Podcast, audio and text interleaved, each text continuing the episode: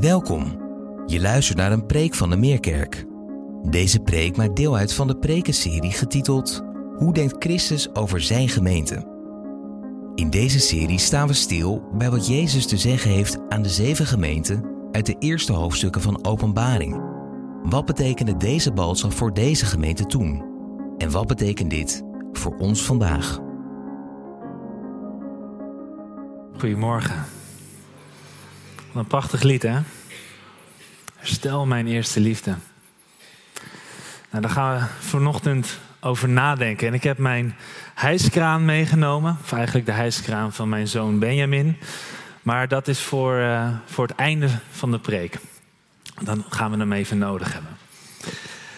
Maar we zijn dus bezig in een preekserie over de eerste drie hoofdstukken van de openbaring met als titel Hoe denkt Christus over zijn gemeente? Vorige week heeft Wichtle ons al meegenomen daarin. En wat is dat? Een treffende vraag, een belangrijke vraag. Dat is waar het om gaat. Hoe denkt Jezus? Niet ik, niet jij. Hoe denkt Jezus over zijn kerk, over zijn gemeente? Dat is de essentie. En we gaan van start met de zeven gemeenten. En dan beginnen we bij het begin. En dat is de gemeente in Efeze. En dat is een logisch begin.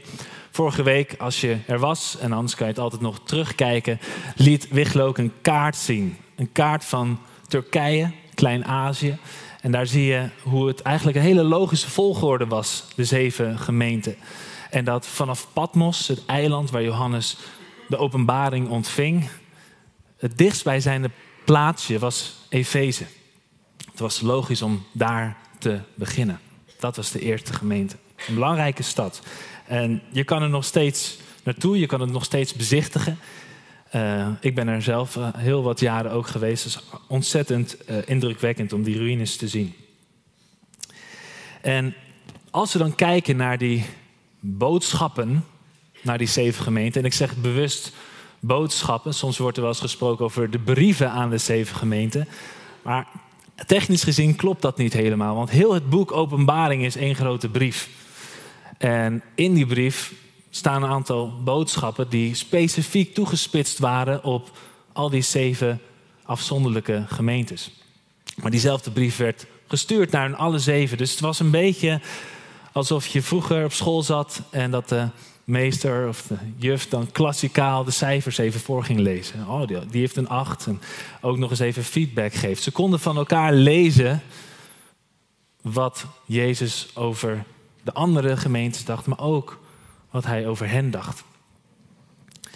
En we zien dat al die zeven korte profetische berichten van Jezus min of meer dezelfde structuur hebben. Of in ieder geval, ze bevatten dezelfde elementen en dezelfde opbouw. Het begint met een aanhef.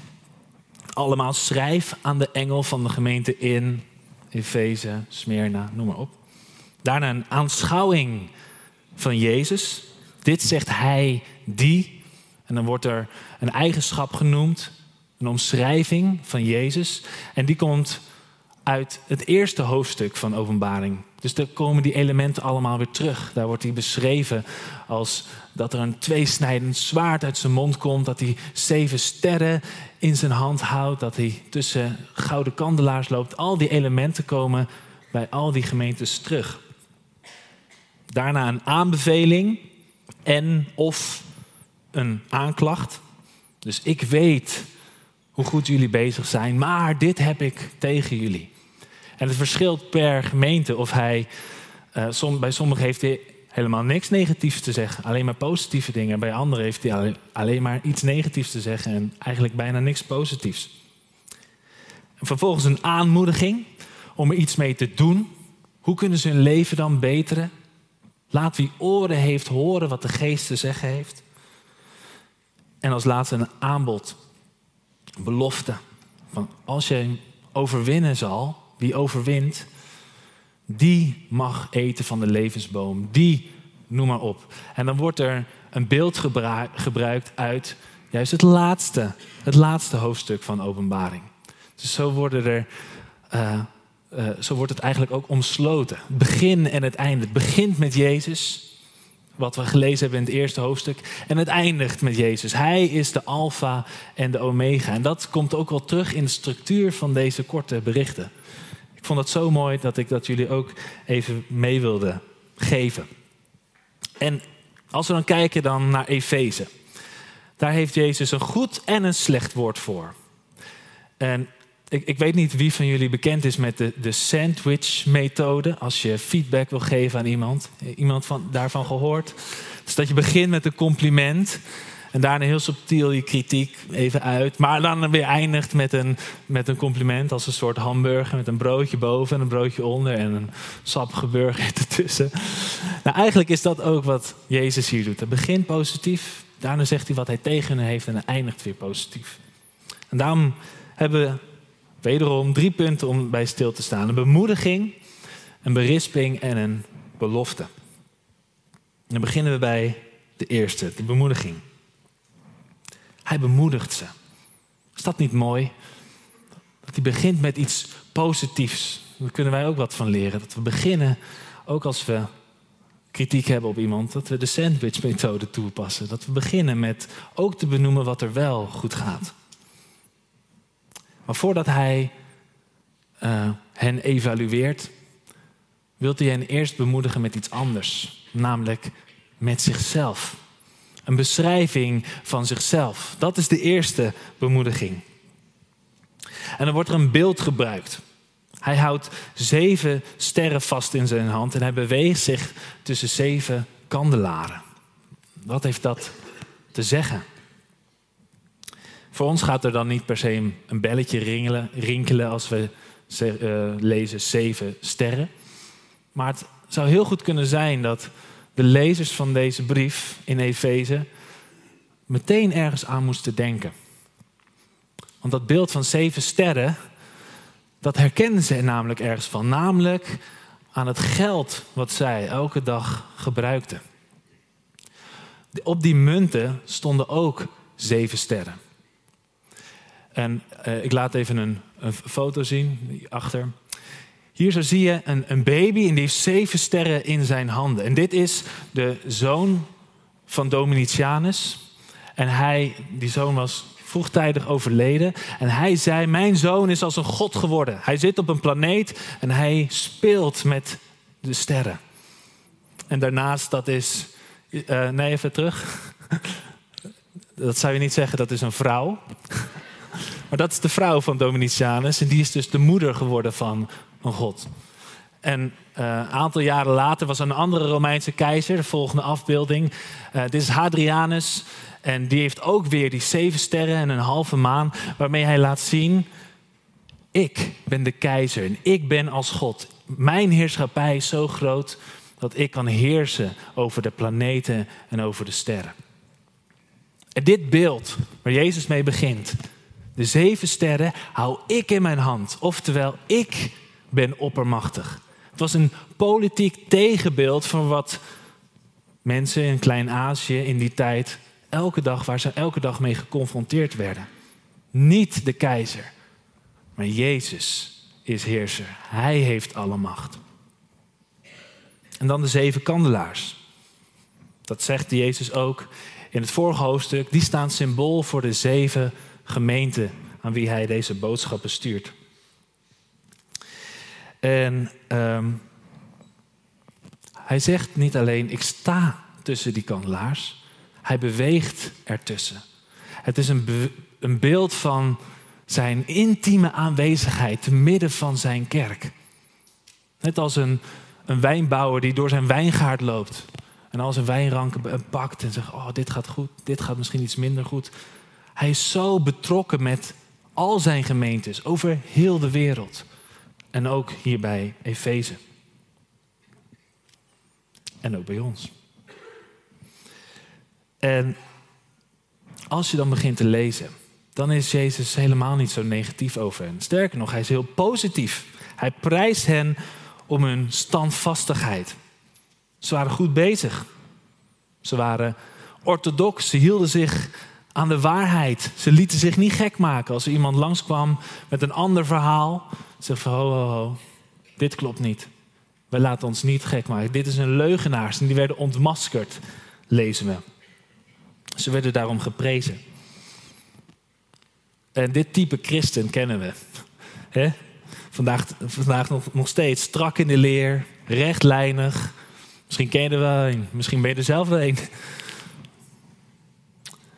En we krijgen daar vaak een negatieve nasmaak van hè, aan. Dus als iemand dogmatisch is of heel rechtlijnig, je van ja, even rustig. Maar het gaat er niet om wat wij denken. Jezus prijst hen ervoor, voor standvastigheid. Wij houden daar niet zo van. Jezus wel. Hoe standvastig zijn wij? Hoe zit dat met ons? Hoe belangrijk vind jij het om de waarheid te kennen? En niet jouw waarheid of hetgeen wat jou aanspreekt of het beeld wat nou ja, nu eenmaal populair is om te geloven over Jezus. Nee. Hoe belangrijk vind jij het om Jezus te kennen zoals Hij openbaard wordt in de Bijbel? En dus ook de elementen die je moeilijk vindt, of die je liever zou willen negeren. Hoe belangrijk vind je het om dat ook te omarmen als zijnde? Dat is de waarheid. Hem willen kennen en ik laat me niet gek maken. En dan is de vraag, hoe doe je dat dan? Ik bedoel, moet ik dan een soort theoloog worden? En moet ik dan alle valse leren die er zijn in de omloop, moet ik die dan, dan kennen? Moet ik dat dan bestuderen en moet ik me overal in verdiepen? Je zou het misschien wel kunnen vergelijken met valsmunterij. Met als mensen uh, geld proberen te vervalsen. En als je mensen hebt die daar goed in zijn, om dat te detecteren, is dit biljet wel echt of niet?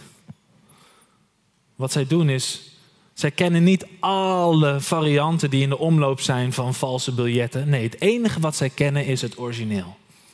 Ze weten precies hoe een biljet eruit moet zien. Waar ieder onderdeel zit, hoe het aanvoelt, en zo moet het ook zijn met ons en Jezus. We hoeven ons niet te verdiepen in alle, alle leugens. We hoeven alleen maar de waarheid te kennen. We hoeven alleen maar Jezus te kennen. Hoe vertrouwd ben je met Hem? In gebed, in zijn woord. op het moment dat er een leugen voorbij komt, zie je het meteen. Van hé, hey, dit, dit ken ik niet. Dit klopt niet. Dit heb ik niet gelezen. Dit voelt anders. Dat is wat ons te doen staat. Dat is waarom de Efeziërs geprezen worden. En dat is ook waarin wij, denk ik, uitgedaagd worden. Maar waar ze geprezen werden om hun standvastigheid, werden ze ook ergens om berispt, vermaand. Namelijk om een liefdeloosheid. En dan komen we bij ons tweede punt. Dat lezen we in vers 4. Dit heb ik tegen u. U heeft de liefde van weleer opgegeven. De liefde ontbrak. En dit is meteen het hart van de boodschap aan deze gemeente. Waar is jullie liefde gebleven? Van weleer, van vroeger. Want ze onderwijzen misschien wel de juiste leer. Ze kunnen precies vertellen hoe het zit. Maar ze hebben de eerste liefde verlaten, zoals de herziene statenvertaling zegt. En dan denk je, ja, over welke liefde gaat dit dan? Waar hebben we het dan over? Nou, dat ligt eraan aan wie je het vraagt. De een zegt dit, de ander zegt iets anders. De een zegt het is liefde voor Jezus. Zoals we ook gezongen net hebben in het lied. Stel mijn eerste liefde voor u. Anderen denken, nee, het gaat ook over liefde voor je naasten, voor je broeders en je zusters. En iemand anders denkt, nee, het gaat over liefde voor mensen die Jezus nog niet kennen. Dat je houdt, liefde hebt voor de wereld. Ontferming, bewogenheid. En ik denk, als we daarover gaan discussiëren, dat we het punt missen. Omdat deze liefdes met elkaar samenhangen. Liefde voor God kan niet losstaan van liefde voor mensen. Die twee gaan hand in hand. En dat lezen we in Matthäus. In Jezus die de wet samenvat in twee punten. Heb de Heer uw God lief met heel uw hart, heel uw ziel en heel uw verstand. Dat is het grootste en eerste gebod. En het tweede is daaraan gelijk. Heb uw naaste lief als uzelf. Die twee. Liefde voor God en daarvanuit liefde voor je naaste. Voor zowel vriend als vijand. De liefde is wat centraal staat in het leven van een christen. Dat staat centraal. De Bijbel staat vol mee. 1 Korinthe 13, misschien wel het hoofdstuk van de liefde. Daar zegt Paulus, al bezat ik alle gaven, doorgronde ik elk geheim, had ik alle kennis van de wereld, had ik de liefde niet, dan ben ik niets. Kennis zonder liefde is niets, zegt Paulus. En de gemeente in Efeze wist dit ook. Want Paulus heeft dit ook geschreven naar hun. In, zijn brief naar de Efeziërs. Daar heeft hij het over dat we alleen samen met alle heiligen de hoogte en de diepte, de lengte en de breedte van de liefde van Jezus kunnen kennen. De Efeziërs wisten het donders goed. Maar ze hebben het opgegeven. En Jezus zegt dat ze drie dingen moeten doen. En misschien zegt hij dat tegen hen, maar ook tegen ons vanochtend. Als wij die liefde kwijtgeraakt zijn, dan moeten we in de spiegel kijken. En dan moeten we ten eerste bedenken, bedenken van welke hoogte we zijn gevallen. En dat is moeilijk om te doen. Moeilijk om bij jezelf te herkennen. Het is pijnlijk. Maar misschien, waar Wichelen vorige week ook over sprak, het beeld van wij als gemeente, de bruid en Jezus als bruidegom. Misschien hebben wij ook een soort liefdes, uh, huwelijkscursus nodig. Jezus en wij, als de liefde is uitgedoofd. Ik bedoel, ik kan me zo voorstellen hoe dat gaat in zo'n huwelijkscursus. Misschien als die liefde wel is uitgedoofd. Als je daarover spreekt. Als je misschien foto's erbij pakt van tien jaar geleden. Die onbezorgde vakantie. Die twinkeling in elkaars ogen. Waar is dat gebleven? Wat is er gebeurd? Wat heeft het leven ons getekend? Zo ook met onze liefde voor Jezus. Waar is het gebleven? Vroeger was ik zo enthousiast. Kon ik mond niet houden om over Jezus en zijn liefde te praten. En nu, nou nu heb ik het liever over een ander onderwerp en vind ik het moeilijk om daarover te spreken. Wat is er gebeurd? Bedenk van welke hoogte je bent gevallen. En dat is voor iedereen anders. En als je dat dan bedenkt, moet het niet bij denken blijven. Het moet ook leiden tot een bekering. Keer je om. Kom tot inkeer, zegt Jezus. En dat betekent niet dat je hier en daar wat aanpassingen moet maken. Ik bekeer me, dus nou, doe dit een beetje anders, doe dat een beetje anders. Nee, bekering is heel heftig. Dat betekent eigenlijk draai om. 180 graden de andere kant op. Je bewandelt nu de verkeerde weg. Dit is niet goed waar je staat. Je kan niet een beetje zo naar links, een beetje naar rechts en dan is het wel goed. Nee. Op het moment dat je een verkeerde weg bewandelt, is de enige weg vooruit om terug te gaan naar het kruispunt waar het misgegaan is. Het kruispunt waar je verkeerde afslag hebt genomen. Teruggaan naar die plek en vervolgens zeggen: Ik had deze afslag moeten nemen in plaats van die. Dat is wat bekering is. Omdraaien. Radicale verandering. En vervolgens doe weer als vroeger. Bekering is niet alleen maar spijt hebben, sorry zeggen. Dan lijk je een beetje op mijn zoontje. Die zegt altijd sorry papa en vervolgens doet hij precies weer waar hij sorry voor zei. Nee, niet alleen sorry zeggen. Laat het ook zien in je daden.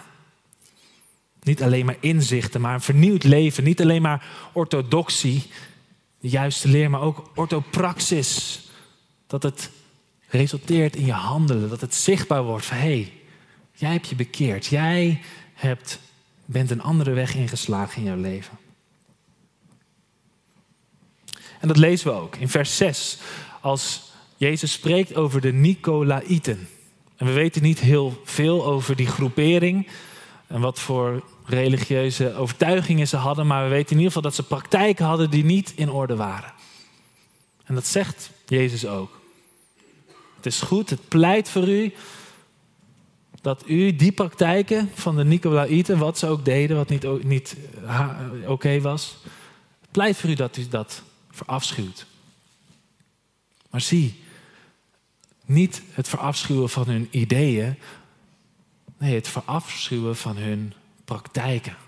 Wat ze deden was niet oké. De Efeziërs wisten dat ook heel goed. Ze wisten heel goed hoe het niet moest. Wat ze niet moesten doen. Waar ze ver weg van moesten blijven.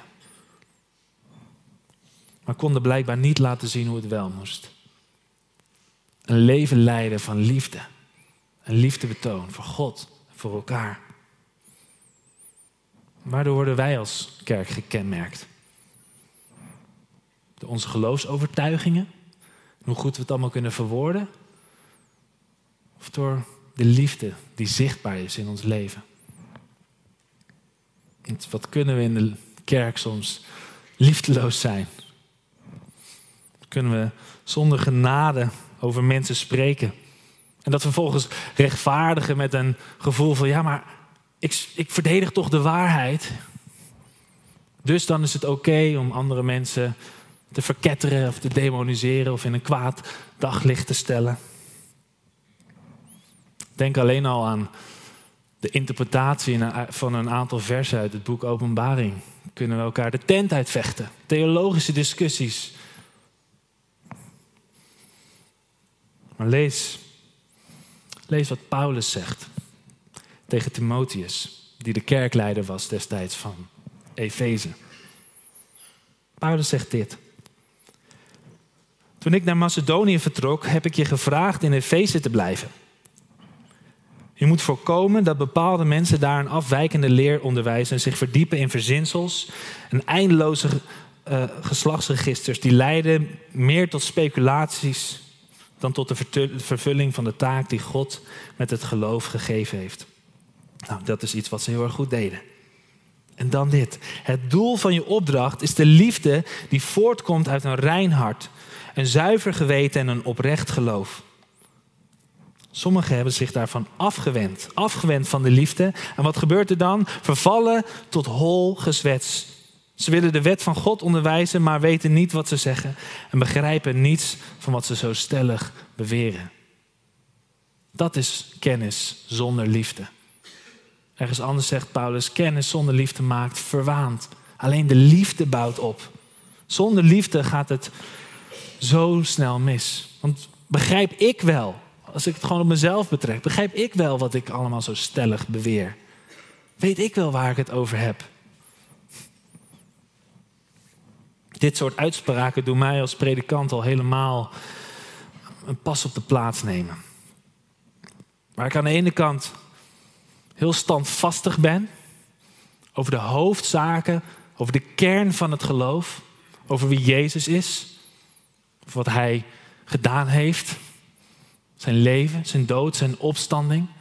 Maar ook wat Jezus van mij vraagt. Als ik de bergreden lees, klare taal. Heb je vijanden lief? Behandel anderen zoals je zelf behandeld wil worden. En daar wil ik standvastig in zijn. Terwijl ik aan de andere kant tegelijkertijd invoelend wil zijn.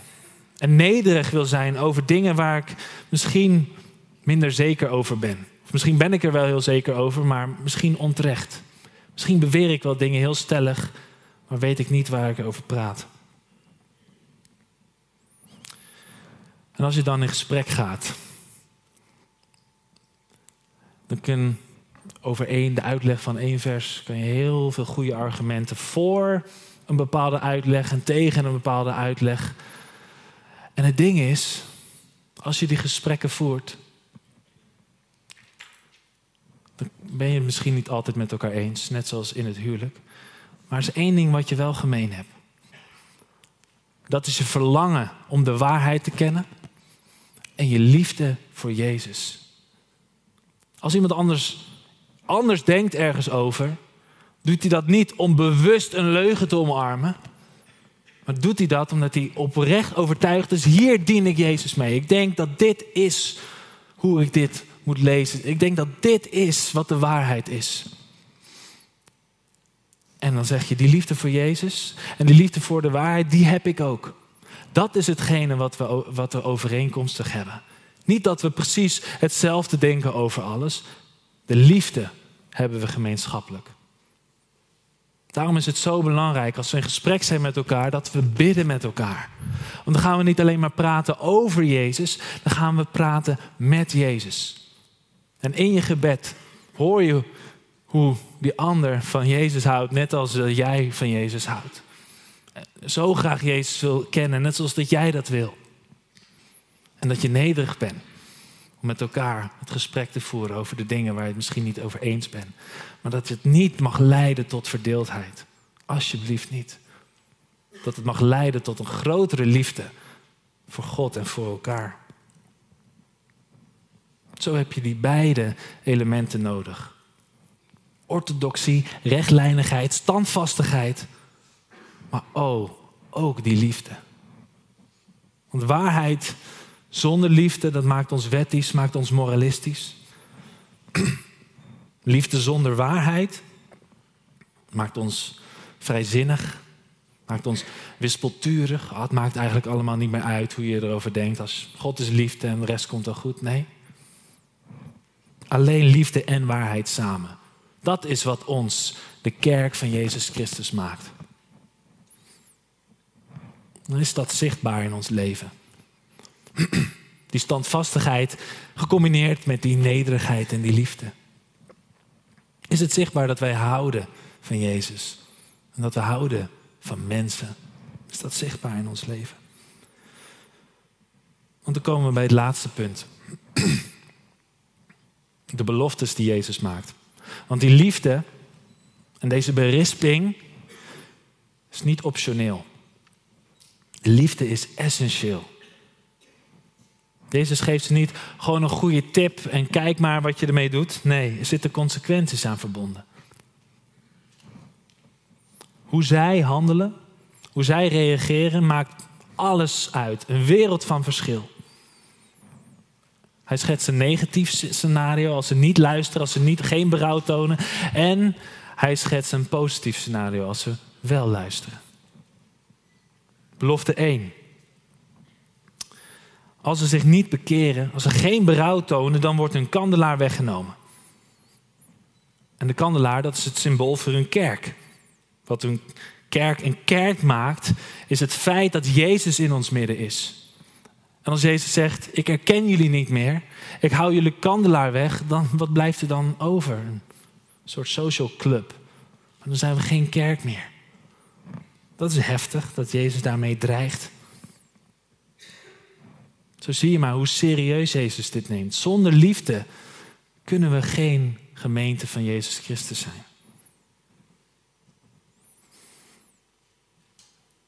En vervolgens de andere belofte.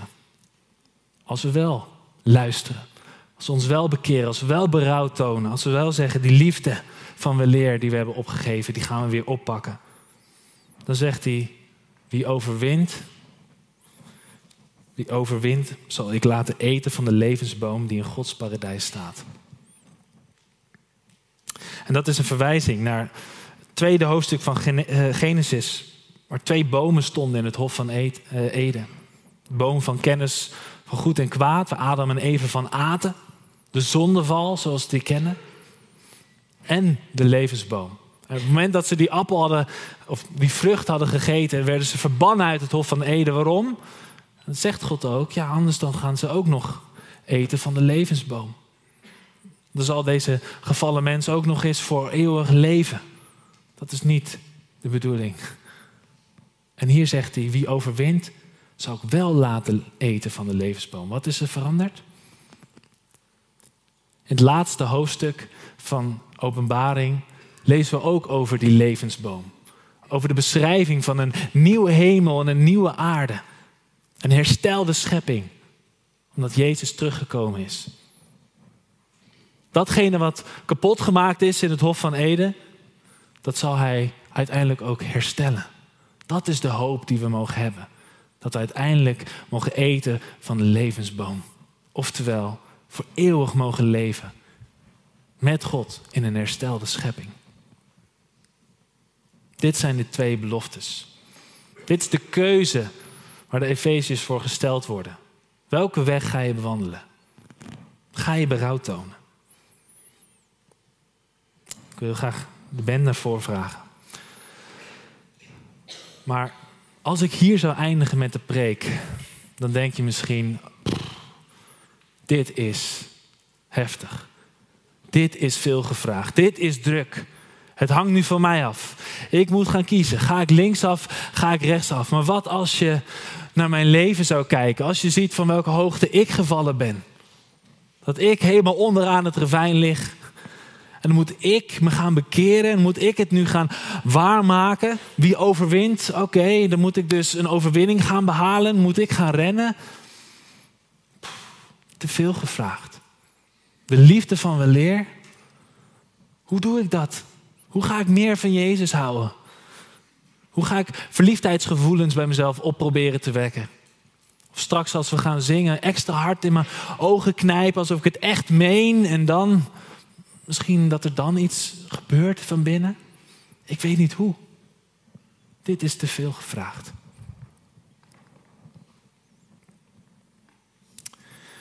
En misschien heb je wel gelijk als je dat zegt. En dat is ook iets waar ik mee heb geworsteld in de voorbereiding van deze preek. Hoe stuur ik jullie en mezelf naar huis? Moeten wij het dan gaan waarmaken? En toen las ik, toen las ik iets, namelijk de brief van een kerkvader. Een brief die hij stuurt naar de Efeziërs, zo'n 10, 20 jaar nadat ze deze brief van openbaring hebben gekregen. Het was de kerkvader Ignatius. En hij stuurt die brief naar de Efeziërs. En waarom is dat zo interessant? Omdat meestal, als we iets lezen in de Bijbel, wat toegeschreven is aan bepaalde mensen, weten we niet wat ze daarmee gedaan hebben. Hebben ze berouw getoond of niet? Hebben ze hun leven verbeterd of niet? Maar omdat we deze brief hebben van deze kerkvader, Ignatius, kunnen we eigenlijk een beetje lezen van, oh, wat hebben ze eigenlijk met deze boodschap gedaan? Hoe verkeren zij nu? Ze waren van hoge hoogte gevallen, maar later ontvingen ze dit bericht van Ignatius. Hij zegt tegen de Efeziërs: Ik heb vernomen dat sommigen uit andere plaatsen bij u lang zijn gekomen en een valse leer hebben verkondigd maar dat u niet hebt toegelaten dat ze het zaad van hun valse leer bij u uitstrooiden. U heeft uw oren dichtgestopt om het niet in u op te nemen. Nou, dit is hoe we de gemeente in Efeze kennen. Hun standvastigheid. Maar dan dit. U bent als stenen voor de tempel van de Vader. Gereed gemaakt voor het bouwwerk van God de Vader. En omhoog getrokken door de heidskraan van Jezus Christus, het kruis. Terwijl u als kabel de Heilige Geest gebruikt. Uw geloof trekt u omhoog. En de liefde is de weg die u naar boven draagt, naar God. Is dat niet een prachtig beeld? Dat wij, dat zij stenen zijn Bestemd voor de tempel van God. Bestemd om deel uit te maken van de kerk. Oké, hoe komt een steen van de grond naar de bovenkant van de toren? Door een hijskraan. Ignatius zegt het kruis van Jezus is een hijskraan. Die je omhoog hijst, die je omhoog tilt. Als je zegt, ik ben van hoge hoogte gevallen. Nu moet ik het waargemaken. Nu moet ik overwinnen. Nu moet ik omhoog proberen te kruipen om toch weer bij God te komen. Nee. De enige manier om bij God te komen is door de huiskraan. Door het kruis van Jezus. Die waar maakte wat wij niet waar konden maken. Die leven leefde wat wij niet konden leven. Die de dood heeft gestorven. Die wij hadden moeten sterven. Dat is wat Jezus gedaan heeft. En de kabel ik vind dat zo mooi. De kabel is de Heilige Geest die je verbindt tussen jou en Jezus. En die jou omhoog tilt. Die jou omhoog draagt. Door je geloof. Geloof in jezelf? Nee. Geloof in Jezus Christus. Je geloof in Hem. En de liefde, dat is de weg die u naar boven draagt. De liefde van Jezus Christus is wat ons weer verbindt met Jezus. Het feit dat wij kunnen overwinnen, is omdat Jezus die overwinning al behaald heeft. Hij tilt ons omhoog. Hij brengt ons bij de Vader. Om wat te doen? Om te eten van de levensboom in zijn paradijs, in zijn aanwezigheid, voor eeuwig en eeuwig. Laat wie oren heeft, horen wat de geest tegen de gemeente, ook onze gemeente vanmorgen, te zeggen heeft. Laten we bidden.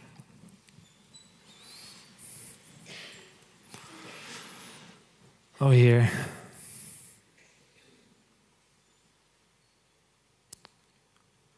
Heer, u kent ons. U kent ons hart. U kent alles wat in ons afspeelt. U kent de liefde die we hebben, of de liefde die ontbreekt voor u en voor onze naasten. Heer, de liefde van we leren, als we misschien terugkijken op ons leven, denken we, ja, we hebben iets verloren gaandeweg. Ik ben van hoge hoogte gevallen. Heer, en ik wil berouw tonen, ik wil bekeren. Ik wil teruggaan naar u, maar ik weet niet hoe. Ik wil meer liefde hebben voor u. Maar als ik dan kijk naar uw liefde voor mij, dan raakt het me tot het diepst van mijn wezen. Dat is wat mij meer liefde geeft voor u. Niet zelf die gevoelens op proberen te wekken. Nee. Ik bedenk hoe u van mij heeft gehouden. Hoe u mij uit het ravijn omhoog heeft getrokken. Door uw hijskraan. Terug bij God de Vader. Ik kan u daar niet genoeg voor danken. En als we in dit moment van stilgebed ook daarop willen bezinnen.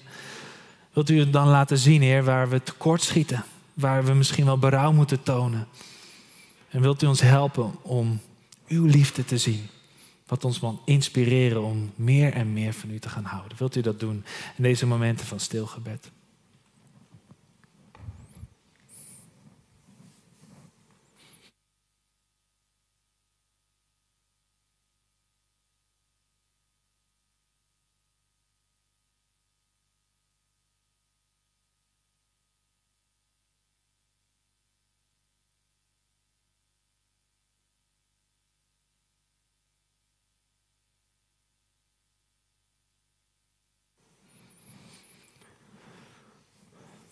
O Heer, herstel onze eerste liefde.